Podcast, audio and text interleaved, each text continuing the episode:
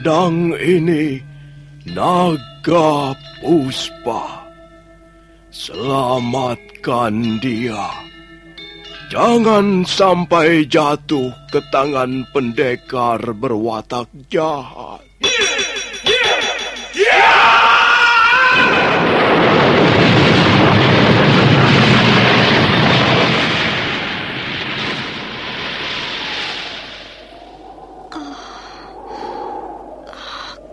Kakang Kamandanu.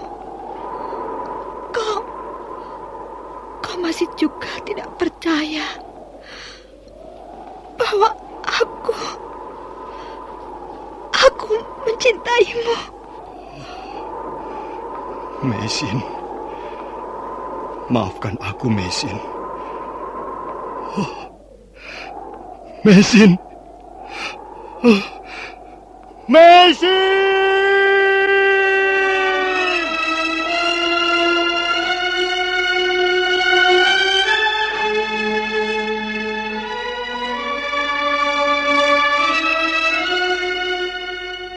Tutur Tinula.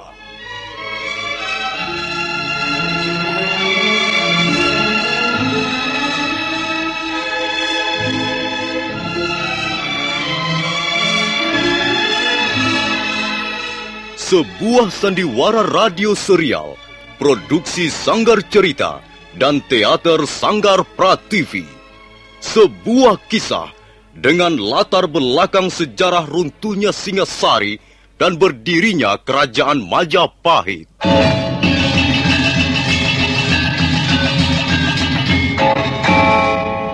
Sandiwara ini didukung oleh pemain-pemain radio yang sudah ternama. Ferry Fadli, Ivone Rose, dan Eli Ermawati.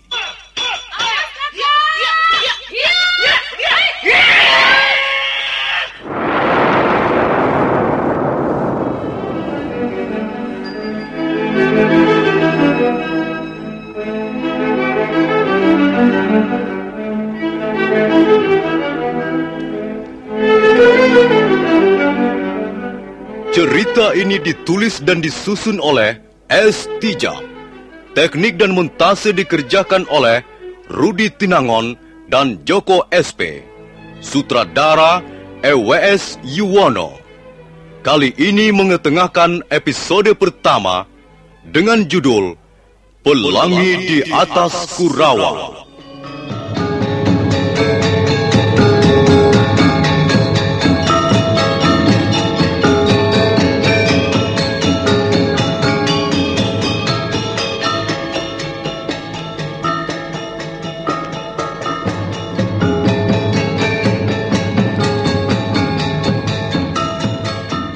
Dalam seri yang ke-14 ini, didukung oleh para pemain, Ferry Fadli sebagai Arya Kamandanu, Ape Burhan sebagai Rekian Wuru, Rusli sebagai Suraprabawa, Marlon sebagai Dangdi, Katarina sebagai Nyiwari, Lili Nur Indasari sebagai Nari Rate, dan Nusri pembawa cerita.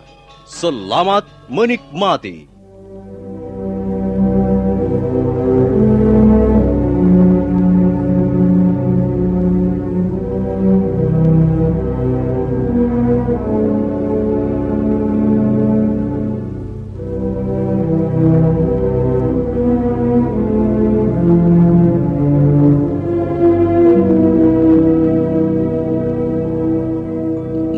Padam muka Rekian Wuru mendengar bahwa anak gadisnya telah mengandung tiga bulan lamanya.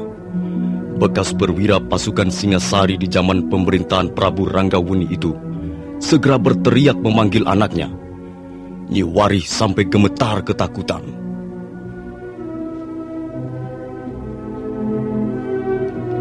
Sudahlah, Wuru. Jangan diapa-apakan anakmu itu. Kasihan, dia pun sudah menderita karenanya. Dia sudah berani melempari mukaku dengan kotorannya. Anak setan. Rati, apa telingamu sudah budak?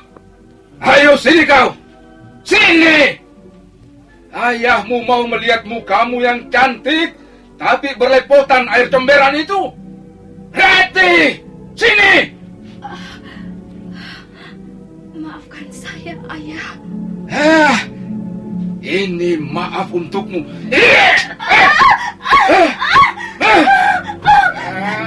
Wuru, sudahlah.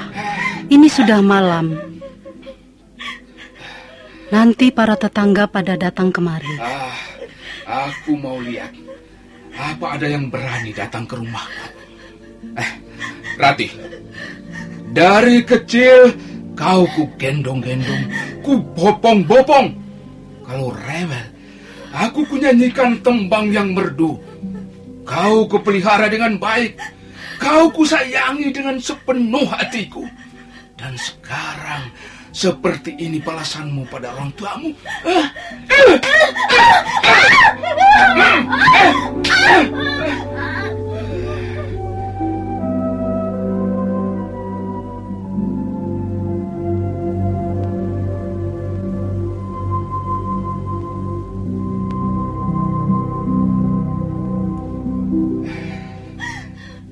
Ayo, katakan siapa laki-laki itu? Siapa namanya? Dan di mana rumahnya? Ayo katakan siapa berdebah itu? Oh, apa dia belum tahu rakyat wuru? Hah? Apa laki-laki itu sudah bosan hidup? Rati, apa kau sengaja membuatku naik darah? Hah? Sudahlah, Wuru. Sudahlah. Bagaimanapun juga dia anakmu sendiri. Darah dagingmu sendiri. Kau pukul sampai mati pun, kalau belum terbuka hatinya, dia tak akan mau bicara. Ah, kalau begitu, biar ku bunuh saja anak setan ini. Jangan, Wuru. Jangan begitu. Kalau dia mati, siapa yang kehilangan? Ya, tapi kalau dia tidak mau buka suara, bagaimana? Ah, bagaimana persoalan ini bisa diselesaikan nih? Ah, Masih bisa dicari cara yang lain, Wuru. eh, Sudahlah, jangan menuruti panasnya hati. Salah-salah anak sendiri menjadi korban. Dok, Dok Rati, sudahlah. Lebih baik kau tidur saja. Kau nampak lelah sekali. Tidurlah, Dok. Urusan ini biar ayahmu yang menyelesaikan.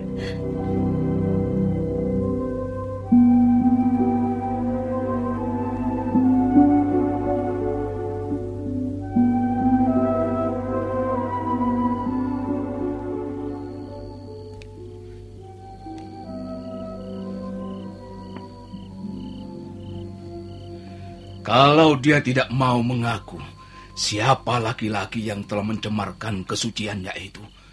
Kukira tidak ada jalan keluar lagi, Nyik. Coba sekarang kau ingat-ingat lagi. Hmm. Siapa kira-kira pemuda desa ini yang pernah akrab dengan anakmu? Ratih itu masih perawan kencur, Nyik. Belum pengalaman. Pengetahuannya tidak lebih luas dari pekarangan rumahnya sendiri. Dia keluar rumah hanya kalau mencuci pakaian di sungai. Itu pun tidak lama. Dan pasti ada kawannya, gadis yang lain. Kalau begitu, kau kurang awas, Wuru. Aku saja yang bukan tetangga dekatmu pernah mencium berita dari mereka, orang-orang desa. Bahkan aku pernah melihat pemuda itu mengampiri anakmu, lalu mereka bercakap-cakap sampai lama. Hmm. Siapa pemuda itu, Nyik? Hah? Mengapa orang-orang tidak ada yang memberitahu aku? Barangkali mereka sudah tahu watakmu dan merasa sungkan untuk menyampaikan padamu, Wuru. Eh, siapa orang itu, Nyik? Hah? Apakah warga desa Manguntur atau pemuda dari desa lain? Anak Manguntur juga, Siapa namanya? eh, Dangdi.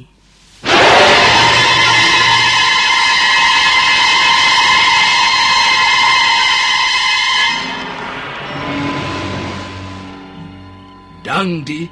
Eh, maksudmu? Ya, Dangdi anak Suraprabawa, kepala desa Manguntur.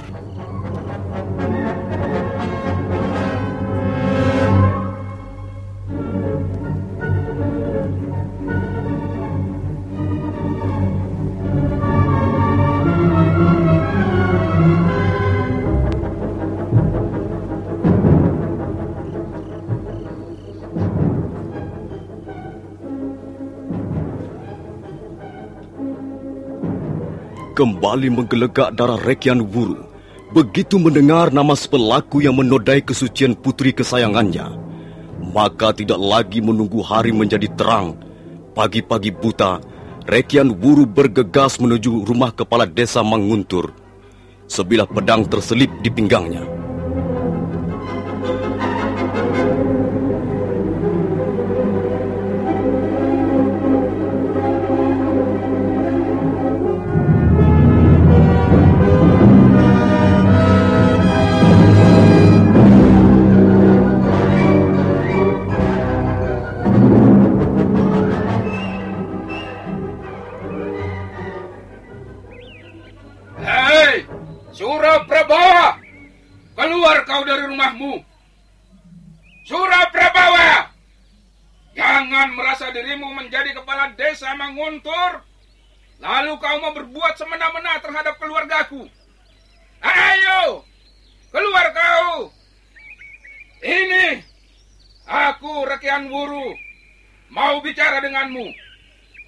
Siapa itu yang berteriak di pagi buta begini?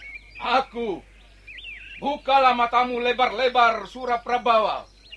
Dan lihat, siapa yang berteriak-teriak di halaman rumahmu. Oh, kiranya Rekian Wuru yang datang. Iya.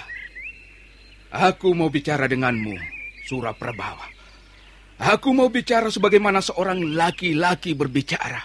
Ada persoalan apa, Rekian Wuru? Suraprabawa, Hmm, kalau kau tidak mampu menghajar anakmu yang berandalan itu, serahkanlah padaku.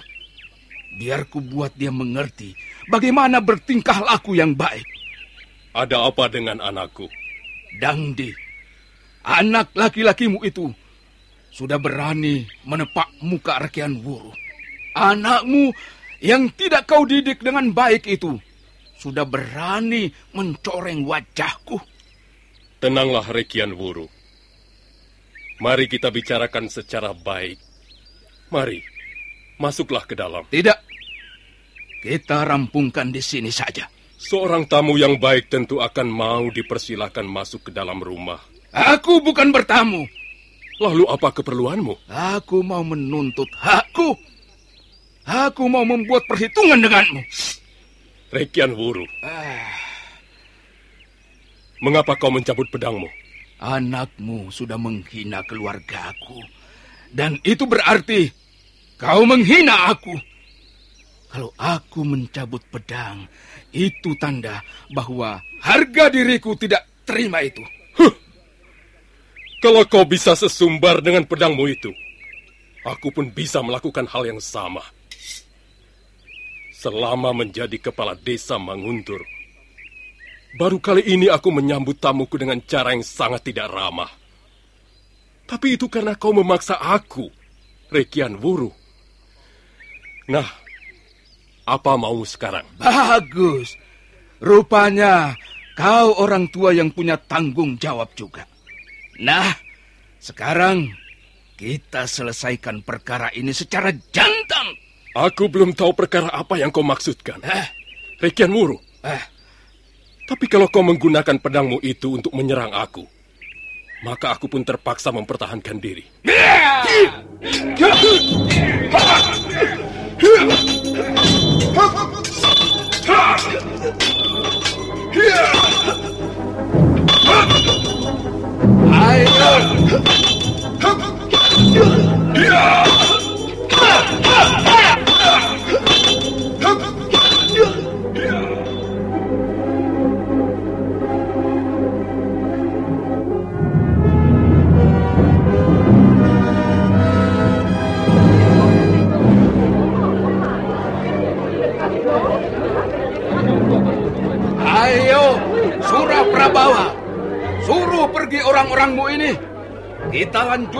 Pertarungan ini sampai salah seorang di antara kita menjadi bangkai. Ayo. Ayah, ayah, Eh, ada apa ayah? Mengapa ayah berkelahi dengan paman Wuru? eh, kaukah yang bernama Dangdi? Hmm? Ah, iya benar paman, saya Dangdi. Kau harus kubuat babak belur anak Eh, setan. tunggu, tu- tu- tunggu paman, tunggu. Rekian Wuru, Ah, kalau kau sentuh anakku sebelum persoalan kau jelaskan, urusan ini akan menjadi panjang. Aku kepala desa.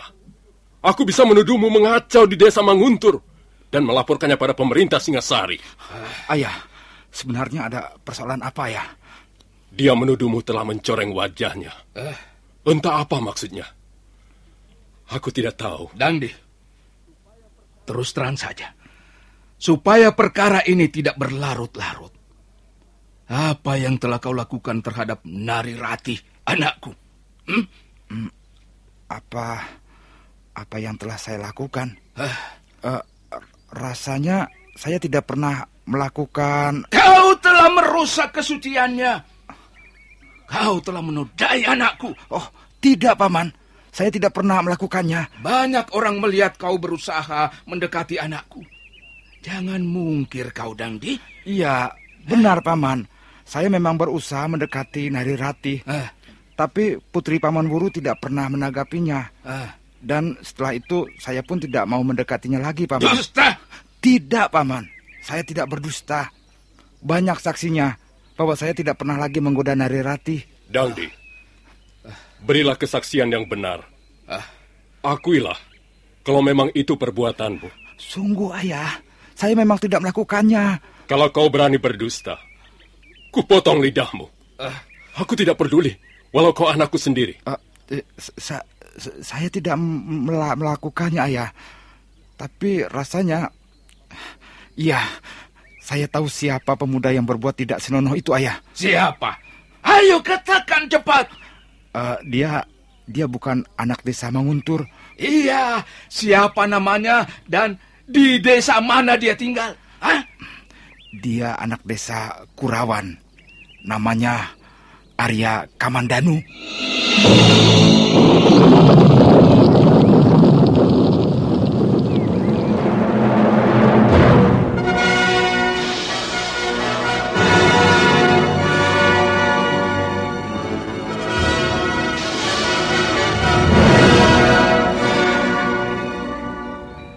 Maksudmu anak empu Hanggareksa?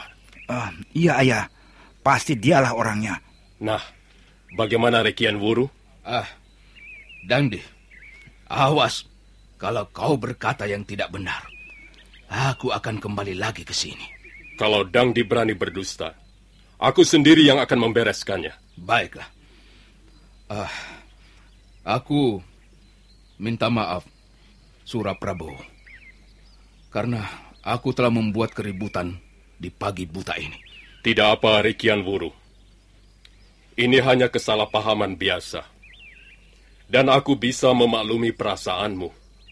Kalau kau membutuhkan sesuatu yang menyangkut diri anakmu, katakanlah. Aku sebagai kepala desa Manguntur akan membantumu. Ah, terima kasih. Nah, aku pergi dulu.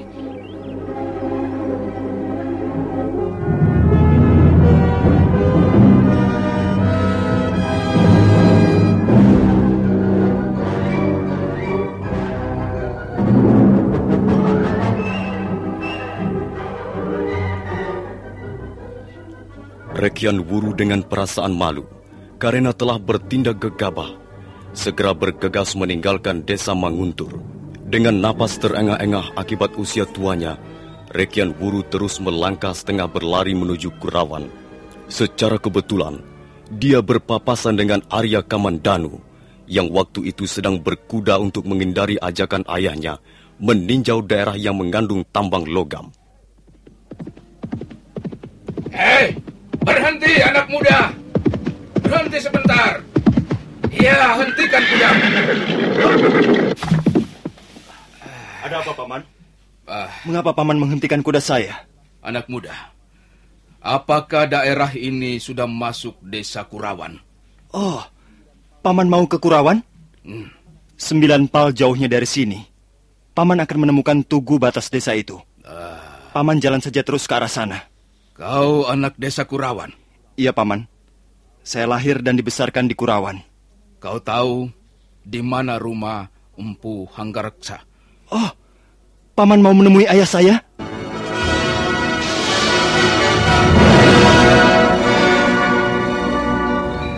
Anak muda. Jadi kau anak Hanggareksa? Benar, Paman. Saya anaknya. Nama saya Arya Kamandanu. Bagus. Kebetulan sekali. Aku tidak perlu berjalan jauh lagi. Aku bisa merampungkan urusanku di tempat ini. Kamandanu. Iya, Paman. Kau jangan coba-coba memungkiri perbuatanmu yang tidak senonoh. Uh, apa maksud Paman? Saya...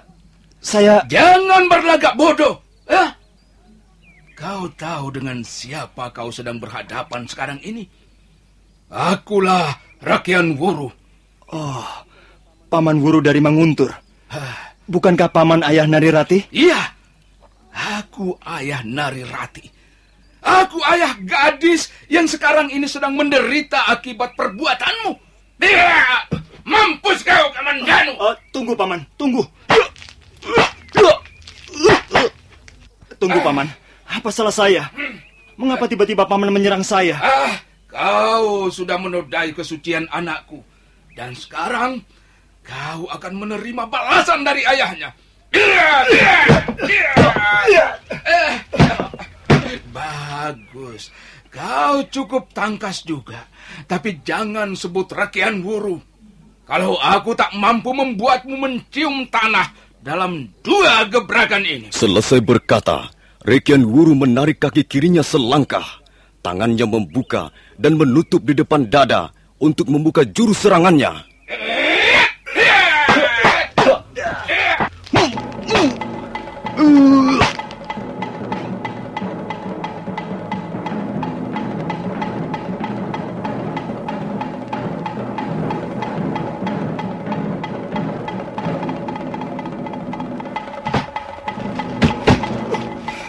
Ayo, Kamandanu. Ah, apa katamu sekarang? Ah? Hmm? Saya... Saya tidak akan berkata apa-apa. Terserah Paman Reken Wuru saja. Oh, jadi kau sudah mengakui kesalahanmu? Hmm? Kesalahan mana yang Paman maksudkan? Berdebah! Kau tikus busuk masih juga mengaku tidak punya salah. Hmm? Saya benar-benar tidak merasa bersalah, Paman. Kau sudah menodai anakku. Kau rusak kehormatannya. Kau mau mengakui atau tidak, Kamandanu? Paman Wuru salah alamat. Jawab. Kau mengakui kesalahanmu atau tidak? Tidak. Kurang ajar. Eh, eh, dengar. Walaupun sudah tua, ah, sudah beruban seluruh rambutku, tapi untuk membuatmu mampus, aku masih belum kerepotan. Apa sebenarnya yang paman kehendaki dari saya? Ah, pengakuanmu. Kalau kau mau mengakui kesalahanmu, maka urusannya tidak akan terlalu panjang. Tapi kalau kau masih mau bertahan, mau memungkiri perbuatanmu, nah, aku tidak segan-segan membuat tubuhmu cacat, Kamandanu. Ah, ah. Paman Wuru, ah. Saya tidak akan mengakui perbuatan yang tidak pernah saya lakukan. Apa? Coba kau ulangi sekali lagi. Saya tidak akan mengakui perbuatan yang tidak pernah saya lakukan. Kamandanu! Kau jangan membuatku semakin naik darah. Hmm? Walaupun orang tua, tapi aku bukanlah tergolong orang penyabar. Kalau kau masih berusaha mungkir, aku akan membunuhmu di tempat ini juga. Paman Wuru, saya berani karena saya merasa benar. Ah. Kalau saya merasa benar dan tidak berani menghadapi keadaan, maka namanya saya pengecut. Kurang ajar. Jadi kau menantangku? Paman Wuru tidak usah merasa ragu-ragu. Ah. Saya tidak akan melawan. Saya tahu Paman Wuru sebenarnya orang yang baik. Ah. Saya justru merasa kasihan sekali. Mengapa Paman Wuru harus mengalami seperti ini? Saya kenal Nari Ratih, Paman. Saya pernah bersahabat dengannya. Sudah, sudah! Jangan ngoceh ngalor ngidul. Ah, aku tidak butuh mendengar khotbahmu. Eh. Jadi bagaimana? Kalau memang paman menganggap saya bersalah dan mau membunuh saya, lakukanlah. Saya tidak akan melawan sedikit pun. Saya akan menyerahkan leher saya agar paman Wuru merasa puas. Rekian Wuru tertegun mendengar kata-kata Arya Kamandanu. Suaranya terdengar jujur dan penuh keberanian. Tapi karena hatinya masih panas, Maka orang tua itu buru-buru mencampakkan pengaruh tersebut. Kamandanu, akuilah bahwa kau yang menodai anakku. Dengan begitu, persoalan ini bisa segera dibereskan. Barangkali kalau nasibmu mujur, aku akan mengawinkanmu dengan anakku. Tapi kalau tidak, aku akan menyerahkanmu kepada kepala desa Manguntur agar perbuatanmu ditangani yang berwajib. Sudah saya katakan bahwa saya tidak mungkin mengakui apa yang bukan menjadi perbuatan saya. Berdebah! Kubunuh kau sekarang juga. Iya! Pedang Rekian Wuru yang sudah terhunus berkelebat di udara dan dengan deras sekali meluncur ke arah leher Arya Kamandanu.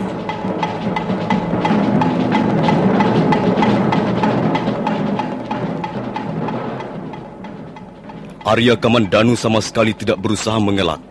Dia sudah pasrah. Nah, para pendengar sekalian, bagaimana kelanjutan kisah ini? Apakah akhirnya Arya Kamandanu harus mati di tangan Rekian Wuru? Silakan mengikuti episode berikutnya. Sampai jumpa.